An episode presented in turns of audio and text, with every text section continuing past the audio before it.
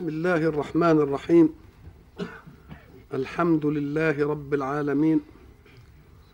والصلاة والسلام على أشرف المرسلين سيدنا محمد وبعد. فقد انتهينا في اللقاء السابق عند قوله سبحانه أعوذ بالله من الشيطان الرجيم. وقالوا كونوا هودا أو نصارى تهتدوا. قل بل ملة إبراهيم حنيفا وما كان من المشركين. حين قالوا كونوا هودا أو نصارى شققنا في القول وشققنا في القائلين وعلمنا ما في ذلك. والله يعلمنا أن نقول لهم الرد على قولهم. هم قالوا كونوا هودا أو نصارى تهتدوا. يعلمنا الله في الرد فيقول قل بل ملة إبراهيم حنيفا. وقلنا إن حنيفا يعني مائلا إلى الحق عن الباطل. ولكن اللفظ له صلة لغوية بشيء اسمه الحنف وهو اعوجاج الرجلين إلى الداخل. فما هي الصلة التي جعلت إطلاق العدول عن الباطل إلى الحق حنفا مع أن الحنف فيه اعوجاج نقول إن الاعوجاج عن المعوج اعتدال.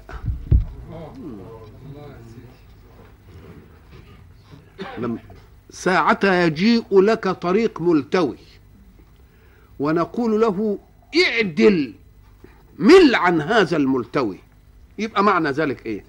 يبقى انعدل ونظرا لأننا قلنا إن الرسل لا يجيئون إلا على غفلة عن منهج الله غفلة طامة للكل. يبقى إعوجاج إيه؟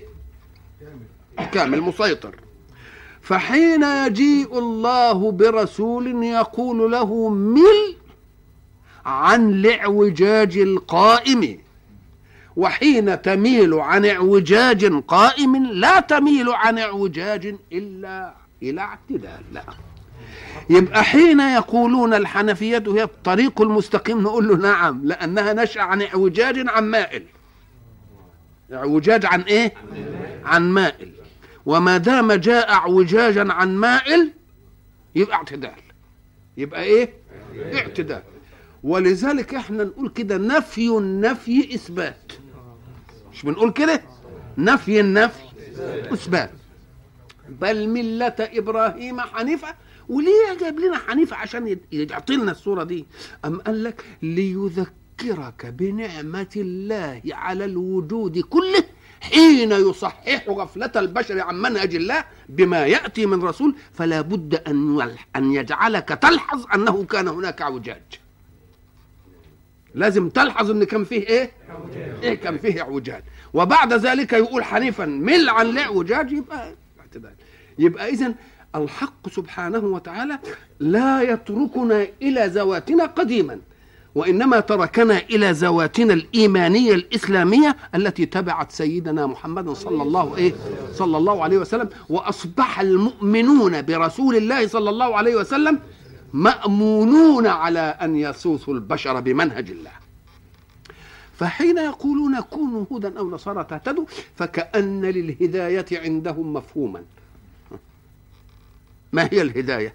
الهداية قلنا سابقا أنها الموصل للغاية من أقصر طريق. مش كده؟ هاد يهديني الطريق يعني إيه؟ يعني يوصلني إلى غايتي من أقصر إيه؟ من أقصر طريق. إذا هم حين يقولون كونوا هودا أو نصارى تهتدوا يبقى كأن للهداية عندهم مفهوما. ما هو مفهوم الهداية عندهم؟ تحقيق شهوات نفوسهم. تحقيق إيه؟ يبقى تهتدوا يعني إيه؟ تكونوا على إيه؟ على هدى نحن. ونحن نريد أن لا يكون البشر على هدى البشر لأن الهدى هدى الله. ولذلك قيل في درس سابق حلقة سابقة لن ترضى عنك اليهود ولا النصارى حتى تتبع ملتهم. طب ملتهم؟ يعني برضه لن ترضى عنك اليهود حتى تتبع إيه؟ ولن ترضى عنك النصارى حتى وقلنا قلنا هناك أنهم يا ريتهم كانوا متفقين كان يبقى المسألة واحدة. طب ما أنا هبقى مغضب واحد ضروري. مش كده ولا لا؟ طب ما دام أنا هأغضب واحد ما يبقوا الاثنين بالمرة ونخلص. ها؟ ما نبقوا الاثنين بالمرة ونخلص. ونرضي مين؟ اعمل لوجه واحد يكفيك كل الإيه؟ كل الأوجه. ولذلك يجب أن نستعيذ بالله من أن نصنع تصرفا يرضي عنا اليهود أو النصارى. لأن معنى أنني أتصرف تصرف يرضي اليهود ولا النصارى أنني بحكم الله علي تبعت ملتهم لأنه قال لن ترضى حتى تتبع ملتهم. لن ترضى حتى تتبع ملتهم. فنعوذ بالله أن نكون منهم محل الرضا. ويجب أن تفرقوا بين الرضا وبين التعايش. فيه فرق بين الرضا وبين التعايش. لأن التعايش يقتضيك أن تتحمل فعل قالب ولكن لا بحب قلب. نعم. أيوه. لا بإيه؟ لا بحب والرضا إيه؟ يبقى اذا ما هو الرضا؟ أن تقبل فعل القالب بحب القلب. اللي يحصل كده أنت عاشه وحبه إنما تتعايش؟ نقول له لا. أهو يعمل العمل أنا مش راضي عنه إنما عشان نتعايش يبقى. نعم. ولذلك كان عهده صلى الله عليه وسلم مع اليهود لا رضا من اليهود عليه ولا رضا منه على اليهود وإنما كان تعايشا فقط. كان إيه؟ تعايشا فقط لأنه ما كان لرسول الله أن يفعل فعلا ترضى عنه به اليهود لأنه إن رضيت اليهود عن واحد فليحكم بأنه فارق ملة الله. ولن ترضى عنك اليهود ولا النصارى حتى تتبع ملتهم يبقى إذا يجب أن نفرق بين رضا ما هو الرضا؟ الرضا هو أن تقبل فعل القالب. بحب القلب. وقد تقبل فعل القالب تعايشا لا حبا. ولذلك يجب أن تتنبهوا إلى أننا قلنا سابقا أن الحق سبحانه وتعالى قال في قوله وإن جاهداك للأب والأم على أن تشرك بي ما ليس لك به علم فلا تطعهما وصاحبهما في الدنيا معروفا. آه ده التعايش. والمعروف تصنعه مع من تحب ومع من لا تحب. لكن الود لا مع من تحب بس. ولذلك قلنا إياكم أن تفهموا كما يقول بعض المستشرقين إن في بعض الآيات القرآنية تعارضا والذي يجعل المسلمين يغفلون عنه أنهم ينظرون إلى القرآن بقداسة. ولولا هذه القداسة لأمكنهم أن يستقبلوا آيات من القرآن يقولوا فيها تعارض. وجابوا هذه الايه؟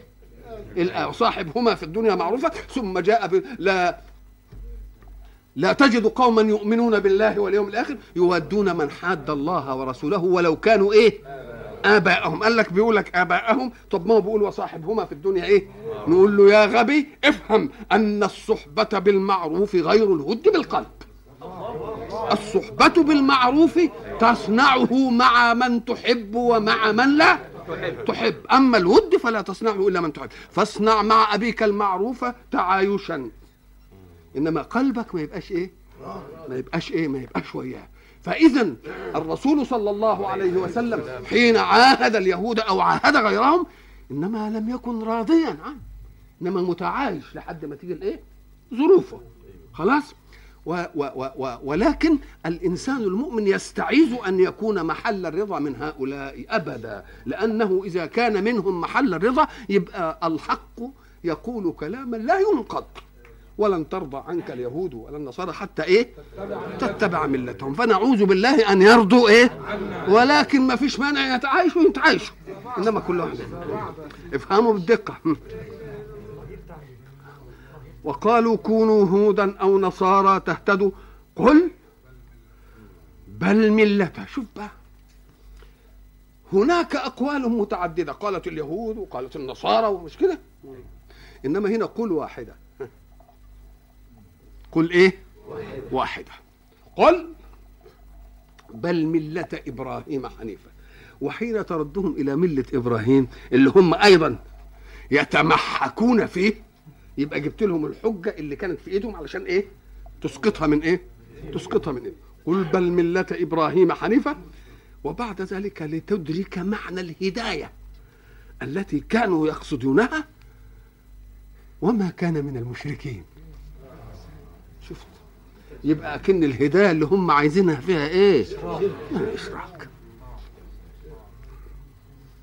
قولوا ملة إبراهيم دي يمكن واحد يقول لك طب إحنا ملة إبراهيم دي إيه؟ فشرحها الله حتى يقطع العذر. يمكن مع واحد فيش واحد مثقف بقى عنده قال لي قولوا آمنا بالله. أدي ملة إبراهيم أهي. آمنا بالله. وما أنزل إلينا. وما أنزل إلى إبراهيم وإسماعيل وإسحاق ويعقوب والأسباط مش كده؟ وما أوتي موسى وما أوتي موسى وعيسى. وما أوتي النبيون من ربهم. بالإجمال يعني. لا نفرق بين أحد منهم. ونحن له مسلمون. فكل من جاء ببلاغ عن الله فهو على العين وعلى الرأس وفي القلب. ونحن لا نتعصب وإنما نأخذ من هؤلاء ما يتفق مع ديننا لأنه هو اللي الذي جاءوا به. وكل شيء يخرج عن ذلك يكون من صنعكم وتأويلكم وتحريفكم وزياداتكم فأيضا لا, لا نقبل هذا. قولوا آمنا بالله وما أنزل إلينا وما أنزل إلى إبراهيم لا يقول وما أنزل إلينا. أنزل إلينا ده أمر معروف لأنه الخاتم جايب النهاية مش كده؟ لا يمكن أن يعطف عليه ما يصطدم معه. ممكن؟ ما يمكنش يعطف عليه ما يصطدم معه. وما إيه؟ أنزل إلى إبراهيم وإسماعيل وإسحاق ويعقوب. الآية دي قال بل مله إبراهيم. وحتى ينفي أن يكون لرسول شيء ليس من عند الله قال اللي أنزل إلى إبراهيم. كأن ملة إبراهيم دي مش هو اللي عاملها إنما إيه؟ أنزلت إليه. لا نفرق بين أحد من رسله من بين أحد منهم ونحن له آه مسلمون في الأولى ومسلمون في الثانية ومسلمون في الثالثة ومسلمون في الرابعة ليه؟ لأن ما يصل إلى الله من منهج إلى البشر فلا خلاف فيه إطلاقا وإنما الخلاف من صنع السلطة الزمنية التي يرفضها مطلق دين لأن معنى دين إيه؟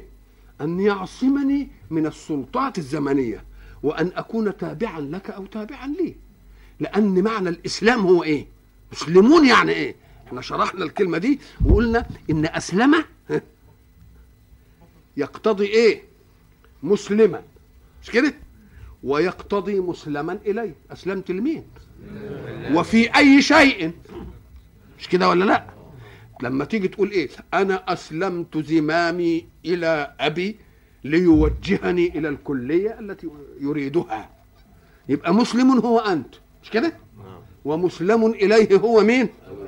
ومسلم فيه وهو أنه يوديني الكلية. مش كده ولا لا؟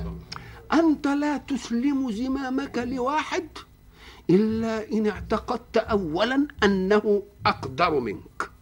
مش كده؟ وأعلم منك وأحكم منك ولا هوى له في توجيهك. فإن تشككت في واحدة من هذه فعنصر من عناصر إسلامك له يختل لأن ما الداعي إلى أن يسلم مساو لمساو؟ يسلم مساو لمساو. يبقى أنت لا تسلم زمامك إلا لمن تعتقد أنه إيه؟ قادر. وإذا ما تصفحت قدرات المخلوقين الحادثين وجدتها قدرات كلها ناقصة. إن ما كانتش تتكامل ما تنفعش. انت محتاج لده وده محتاج لده وده محتاج لده. اذا ما فيش في واحد طاقة كمالية موت. ابدا. يبقى اذا لا يوجد في الوجود إلا الوجود الأعلى لتسلم زمامك له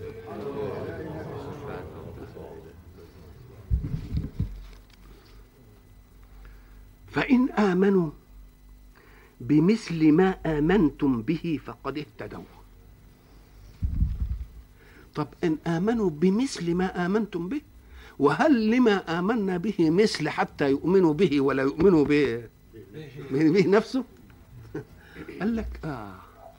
هو أنت هتؤمن إزاي؟ مش بتقول لا إله إلا الله؟ محمد رسول الله؟ هل إذا قالها واحد بعدك أقال ما قلت أم مثل ما قلت؟ يبقى حين تعلن إيمانك أنا ما باخدش الكلمة اللي أنت قلتها الكلمة اللي أنت قلتها لك. آه ليه؟ لأن الحدث لا يفارقك أنت. الحدث ما يفارقش أنت. فأنا إن صنعت شيئا لما أجي أقول له اصنع مثل ما صنع فلان. لأن ما صنع فلان هو لا يصنع ثانية. ما صنعه فلان لا. إيه تصدق بم... بمثل ما تصدق به فلان. أتقول تصدق بما تصدق به فلان؟ لأن اللي تصدق به فلان بمجرد خروجه منه ثبت له ولم يثبت لغيره. يبقى إن تصدقت فتصدق بإيه؟ بمثل ما تصدق. يبقى أمنوا بإيه؟ بمثل. وإحنا أمنا بإيه؟ بلا إله إلا الله محمد. قولوا مثلها. لأنه من المتعذر أن تقولوا أنتم ما قلنا. لأن ما قلنا ثبت لنا. ساعة تقولونها أنتم مش هتاخدوها مني وتقولوها لا. ولذلك اذكروا جيدا أننا حين تكلمنا عن الضمير مرة يرجع الضمير إلى ما سبق ومرة يعود إلى مثل ما سبق لما تقول جاءني رجل فأكرمته أكرمت من؟ الرجل ده هو. طب تصدقت بدرهم ونصفه إيه بقى أنت خدته تاني من الراجل وقسمته كده وقلت ونصف مثله آه يبقى إذا كان أثر الحدث تذهب به أنت الفاعل الأول يبقى إن عملت أنت يبقى مثله بقى. فلا يقول قائل فإن آمن كان من آمنت به له مثل. فيه فرق بين دلالة على الإيمان وبين ما آمنت به. فلا تقل آمنت بالله يعني بمثل الله. لا أنت آمنت بإيه؟ ثبت إيمانك بإيه؟ بلا إقرار. إقرار. لا إله إلا الله محمد رسول الله. هو إن آمن لن يأخذ كلمتي أنا ويتركني بلا كلمة. هيقول إيه؟ زي يعني ما قلت. يبقى إذا الاعتراض بتاعهم ذهب ولا لأ؟ آه ذهب. فإن آمنوا هه بمثل ما آمنتم بواحد يقول لك آمنوا بالله. هم آمنوا بمين؟ آمنوا بالله. طب وهيبقى فيه بمثل اللي آمنوا بمثل ما آمنتم يعني بمثل الله؟ نقول له يا راجل لا.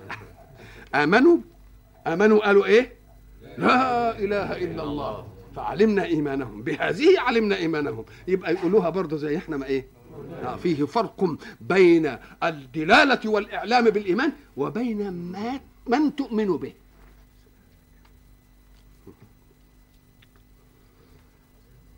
هو قال بمثل من آمنتم. خدوا بالكم قوي. فإن آمنوا بمثل ما آمنتم به فقد اهتدوا. اهتدوا. اهتدوا الهداية الحق. وإلا فهم ادعوا من اللي بيقولوه إيه؟ هداية. فإن آمنوا بمثل ما آمنتم به فقد اهتدوا. وإن تولوا فإنما هم في شقاق. شقاق يعني إيه؟ ما إحنا قلنا مختلفين ويا بعض كمان. ليه؟ قال لك لأنهم وإن التقوا في الكفر ليتهم ملتقين في أسباب الكفر. برضه مختلفين في أسباب الكفر. برضه هيبقوا في إيه؟ في شقاق. شقاق من المشقة. آه لأن هم ويا بعض في إيه؟ في نزاع ومشاجرة. ومشقة أو في شقاق والشق معناه الفرق بين شيئين. شق يعني إيه؟ فارق بين إيه؟ بين شيئين. إنما هم في شقاق فسيكفيكهم الله. لا إله إلا الله. يقول سيكفيكهم الله يعني يغنيك عنهم يغنيك عنه, عنه. أليس الله بكاف أي بمغن عبده خلاص يكفيك بالإيه؟ في الله فسيكفيكهم الله وهو السميع العليم. آه سيكفيكهم الله بكل الوسائل سواء كانت وسائل تصل تصل إلى إدراكاتك بالسمع أو تدار عليك. يعني يجيبوها تبييت. يجيبوها إيه؟ تبييت. ولذلك إحنا قلنا في حكاية السحر إن ليه ما ناخدش أن الله سبحانه وتعالى يريد أن يبطل آمال هؤلاء في أنهم سينالون من رسول الله. لانهم حتى عملوا أشياء مستترة سيطلع الله رسوله عليه. سيطلع الله إيه؟ رسوله عليه. فاعملوا اللي تعملوا. ما هو عندهم أسلحة كتير. من السحر؟ طب اسحروا. إنما هنقول له برضه. أيوه. يبقى حين تقطع عليهم حتى وسيلة التبييت مش هيعمل نعم. فسيكفيكهم الله وهو السميع العليم. طيب إحنا قال ملة إبراهيم وبعدين شرح لنا ملة إبراهيم. آمنا بالله وما أنزل إلينا وما مش كده؟ ليه بقى؟ لأن لما يكون بس يقتصر على ملة إبراهيم طب واللي جم بعده؟ فأراد أن يثبت إن ملة إبراهيم هي إيه؟ هي كلها ما دام المنهج لما يتغير يبقى كله إيه؟ يبقى كله هو واحد. صبغة الله. ومن أحسن من الله صبغة. ونحن له عابدون. برضه من ضمن مقولهم. صبغة الله. صبغة يعني إيه؟ صبغة. شيء أو حال من الألوان يطرأ بلون على لون. تصبغ ده أحمر تصبغه أصفر تصبغه أخضر تصبغه أزرق. يبقى بتجيب إيه؟ حال من لون على شيء آخر. دي اسمها إيه؟ صبغة. بس يلاحظ إن كلمة صبغة تختلف عن كلمة طلاء. ليه؟ لأن الصبغة الأصل فيها أن ينفذ الصبغ في المصبوغ. ينفذ الصبغ في المصبوغ. ما تصبغ طوب كده أسمر وبتاع يبقى بينفذ الصبغ الأسود في إيه؟ في المصبوغ يعني يمشي في الإيه؟ وخاصة إذا كان المصبوغ له شعيرات وأنابيب. زي القطن وزي الصوف وزي ولذلك ال ال ال ال الصناعيات كلها الأفتال الصناعية أو الألياف الصناعية لا يمكن أن تأتي فيها صبغة. ليه؟ لأن شعرة القطن أو شعرة الصوف أنبوبة. تركيبها أنبوبة. ولذلك إذا أردت أن تعرف هذا فهات قنديل الزيت قديما. وافتل فتيلة القطن كده. وضع راس الفتيلة في الزيت. وتعالى من فوق وأشعل. يقوم بيمص بتمشي في الأنابيب. تطلع. طب هات بقى فتل الألياف صناعية. اللهم صل على النبي. الله يكرمك الله يكرمنا مفيش ألياف صناعية ابدا ما تبصهاش ولذلك الألياف الصناعية لما تيجي تلاحظ كده لما نلبس حاجة ألياف صناعية تقوم تبقى سهلة الغسيل. ليه؟ لأن القذارة والوساخة والعرق ما بيتشربش في قلب مسمن. ده طلع. تعملها كده تروح لكن بقى في جلابية القطن أو الصوف بتمشي في إيه؟ أيوه. ولذلك تتعب قوي على ما تعمل الياقة بتاعت القطن ولا أيوة. إنما الياقة بقى بتاع الألياف الصناعية هوا على طول. ليه؟ لأنه طلع أيوة. مش متشرب يبقى اذا الصبغة يبقى لازم المادة تتخلخل. ولذلك يجب أن نفرق بينها وبين الطلاء. الطلاء طبقة. تستطيع أن تنزعها والشيء يظل على ما هو عليه. ولذلك دي يجب أن يفهمها الذين يفتون في طلاء الأظافر ويقول لك ده زي الحنه نقول له يا شيخ مش زي الحنه الحنة صبغة. بتتخلل المادة الحية ولذلك بتفضل كده لحد ما يذهب الجلد به. لكن ديا ألا يذهب النساء ليعدلن الطلاء كل يوم؟ إيه؟ وتروح بقى. وضفيرها يبقى إيه؟ عامل زي ما. إذا ما هي صبغة. إذا لا تقس هذا على أنه إيه؟ صبغة. دي إيه؟ دي طلاء. أو بالتعبير بقى الدقيق دي دهاكه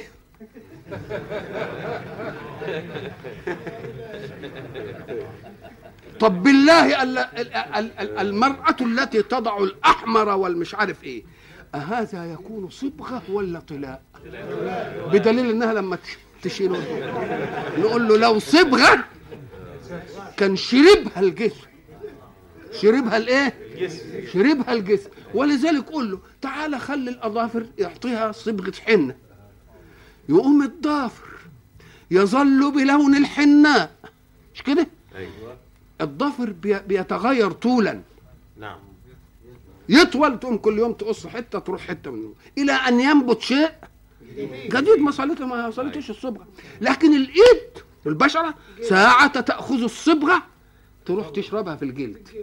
وبعد ذلك تظل فترة إلى أن تأتي عملية الأيض في الإنسان اللي هي الهدم والبناء.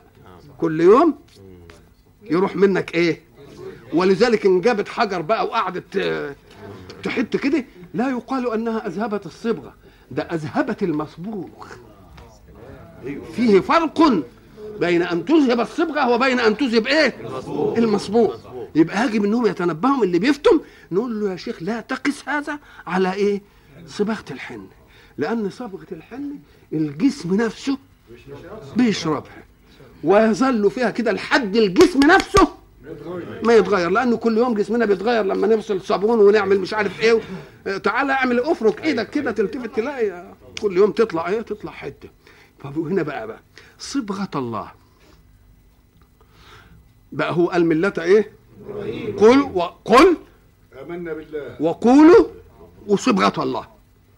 صبغة الله كأن ملة إبراهيم. والإيمان بالله وما أنزل على رسله. هي دي الصبغة الربانية. طب وكلمة صبغة دي جاية ليه؟ علشان يدين إنها مشربة. عندكم أنتوا شوية طلع كده. آه متغلغلة. متغلغلة. ليه؟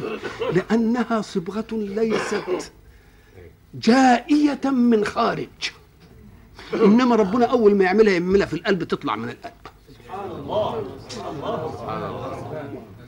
وأنتم تأخذون الوليد حين يولد وتضعونه في ماء وتقولوا إحنا صبغناه بماء المعمودية بقى إيه؟ فكأنكم نقلتم القيم والمواجيد النفسية. آه. إلى أمر مادي تخلعونه من خارج والإيمان لا يخلع من خارج وإنما ينضح من داخل. أدي معنى صبغة الله. ويريد الحق سبحانه وتعالى أن يبين لنا ذلك بإيه؟ ي- يجعل من آيات قدرته اختلاف ألواننا. اختلاف إيه؟ اهي الواننا دي مش طله آه صبغة جاية منين؟ في ذات وجوهر التكوين مش في عرضه. في جوهر الإيه؟ اللي أنا عايز أسمر يطلع أسمر. أبيض أبيض أصفر أصفر. فينا ليه؟ فكذلك إذا كانت صبغة الله في الأمور المادية دي أمر لا يحول ولا إيه. وجاء كده في نفس التكوين. ها؟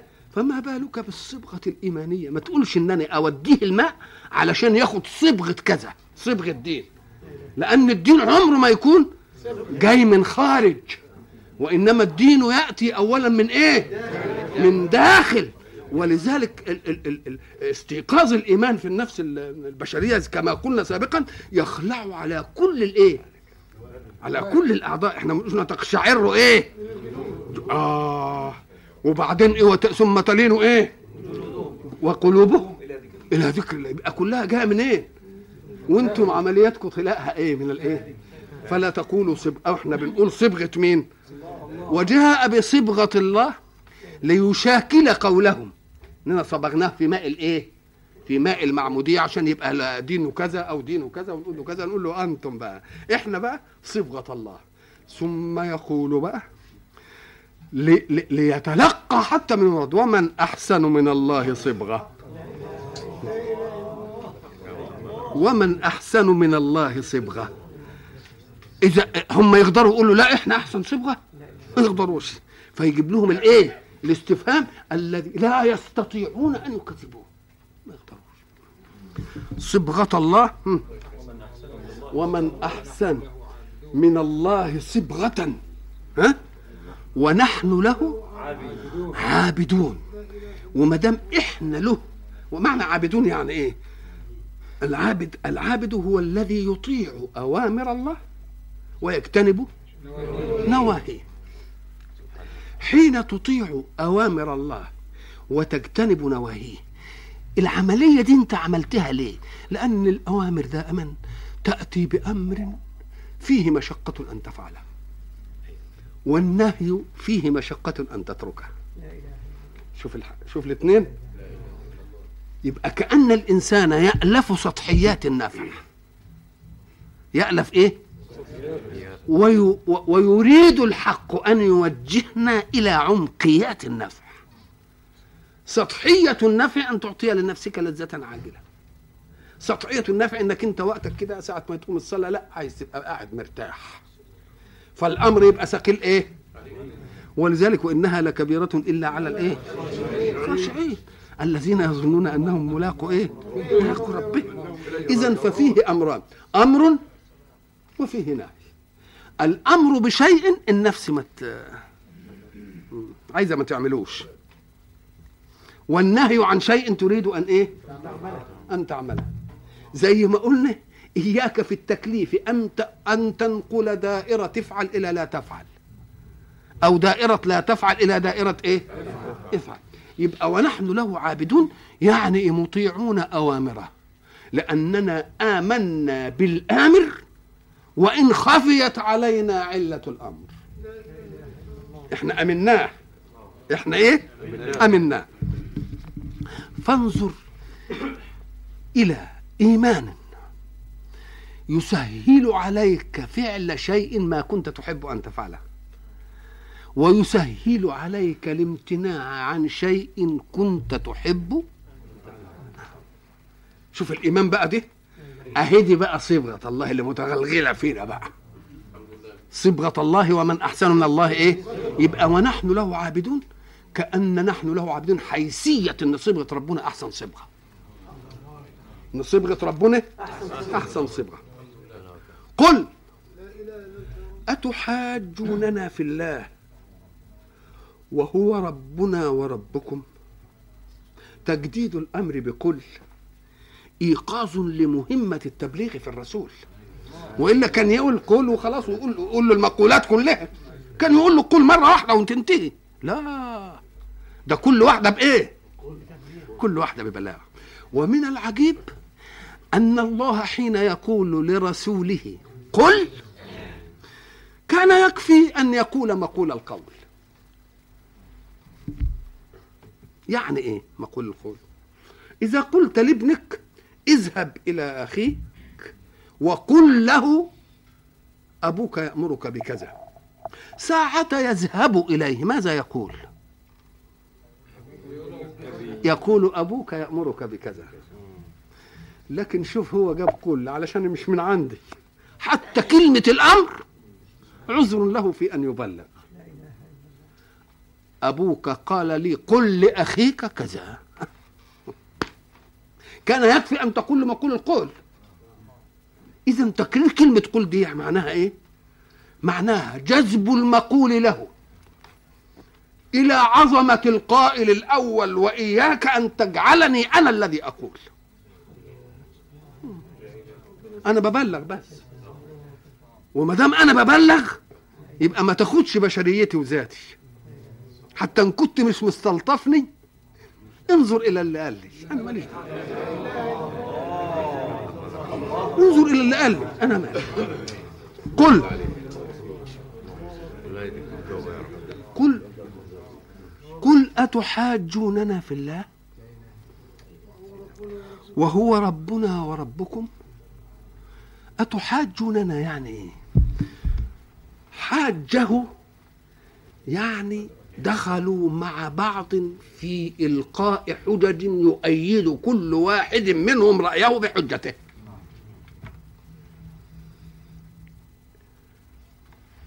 أو كالذي إيه؟ حاج. ألم تر إلى الذي حج إيه؟ إبراهيم. حاجة يعني إيه؟ جاب له إيه؟ أنت تقول حجتك وده يقول إيه؟ حجة. فحاجه يعني دخل مع خصمه. في إثبات مدعاه بحجة ويرد عليه خصمه في إثبات مدعاه بحجة. أدي إيه؟ حجة. أتحاجوننا في الله وهو ربنا وربكم؟ كان من المنطق أن نلتقي عنده. لأنه ليس ربي هو أهو ربي ولم يكن ربكم؟ آه. يبقى إذا حظنا منه سواء. حظنا منه سواء. وما دام حظنا منه سواء ما كان يجب أن تقفوا منه موقف هذا العناد. وإلا فقولوا لكم رب تاني بقى. مش كده ولا لا؟ ما دام هتحاجون في الله تحاجون يعني إيه؟ تقولون إيه حججا؟ تؤيد مدعاكم وأنا أقول حججا إيه؟ تؤيد إيه؟ مدعاكم. هناك آية في القرآن برضو في المحجة. والذين إيه من بعد ما استجيب له. حجتهم داحضة عند ربهم أي الآية. والذين إيه؟ يحاجون. من بعد ما استجيب له. استجيب له. حجتهم داحضة عند ربهم الله أنت بتحاج الله في الله ليه؟ ده فيه ناس زيك لهم عقول برضه وأفكار وامنوا بيه فجدلك لن يمنع الإيمان به. جدلك فيه؟ لأنه استجيب له استجيب؟ لا. وما دام استجيب له يبقى عمليتك دي لن تقف موقفا في سبيل أن لا يستجاب.